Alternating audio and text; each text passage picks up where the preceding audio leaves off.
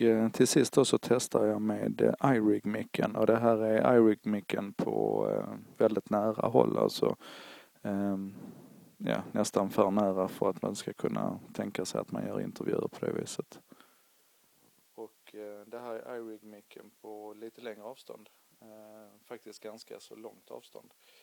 Ehm, onödigt långt skulle jag säga. Och det här är iRig-micken så som man skulle kunna tänka sig att man faktiskt håller den vid en, en intervjusituation. Eh, strax under hakan, kanske en, eh, en decimeter bort eller något. Eh, och om det här låter okej okay, så är det här ett, eh, ett jättebra alternativ. Det är alltså mikrofonen som heter iRig och jag håller den eh, på ett, ett, ett rimligt intervjuavstånd skulle jag vilja påstå.